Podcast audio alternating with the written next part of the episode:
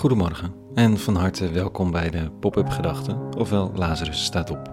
Ik ben Rico en ik schrijf overwegingen om de dag mee te beginnen. Vandaag met de titel De wazigheid en de eeuwige. Pop-up Gedachten woensdag 2 december 2020.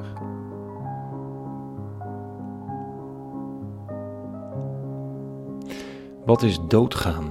vraagt cabaretier Herman Vinkers zich af. En hij zegt er iets over in een voorstelling na een lange gedwongen pauze vanwege kanker. Ik denk wel eens dat de dood een soort wakker worden is uit een droom. Dat dit leven dan de droom is en dat het echt lijkt, maar het net niet is.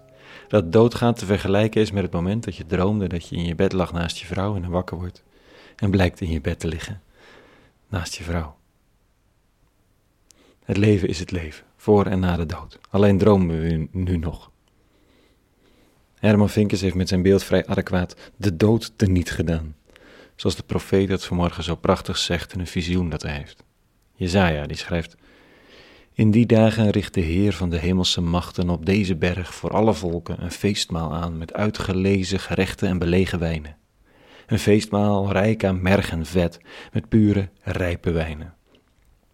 Op deze berg vernietigt hij het waas dat alle volken het zicht beneemt, de sluier waarmee alle volken omhuld zijn. Voor altijd doet hij de dood teniet. Het is nogal een multicultureel feestmaal hier. Geen voorkeurstoelen voor de getrouwen, geen ereplek voor het favoriete volk, gewoon heb iedereen aan tafel. Nou met een sterke voorkeur voor wijn in het visioen, zowel belegen als pure en rijpe. Zou Jezaja nou eenmaal van een goed glas wijn houden en het daarom dubbel zien hier? Of is het de eeuwige die een sterke voorliefde heeft voor het alcoholische druivennat? In elk geval is er genoeg voor iedereen. En er is iets wat ons het zicht beneemt blijkbaar en dat dan tijdens die maaltijd verdwijnt. Kijk, je weet meestal pas dat het je zicht belemmert als het weg is. Ik had vroeger zo'n grote bril, dikke glazen, Tegenwoordig kan het allemaal verstopt in zo'n klein lensje dat je in je oog duwt, maar dat ging toen nog niet. En dan waren er momenten dat je zonder al te veel na te denken je bril eens oppoetst. En opeens alle kleuren een stuk helderder ziet, alles en iedereen heeft weer scherpe contouren. En je beseft dat je al dagen, misschien wel weken, met, dat hele, met hele vettige, vieze glazen naar de wereld zit te kijken. Merk je pas als je die glazen opgepoetst hebt. Of dat je die ketting van je fiets smeert na jaren trouwe dienst en dan opeens constateert dat het ding veel soepeler fietst, harder kan en niet langer je route begeleidt met piepen, knarsen en kreunen. Je had die herrie en die traagheid helemaal niet door, tot je merkte dat het anders kon. De eeuwige en zijn sluier. Er hangt blijkbaar tot dit grote multiculturele eet- en drinkfestijn een waas over ons hoofd. En het heet de dood. Het is de eindigheid van onszelf die ons het zicht beneemt. Maar waarop dan? Wat zie ik niet? Wat zien wij niet? Door de tragische, ellendige of soms verlossende ding, de dood.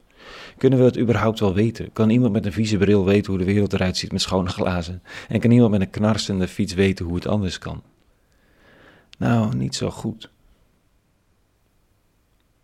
Toch proberen. Wat als de dood niet langer bestaat? Als het einde geen einde is, maar een vervolg? Wat als ik niet per se iets in dit leven hoef te bereiken, omdat dit leven geen einde kent? Wat als ik voor alles de eeuwigheid heb?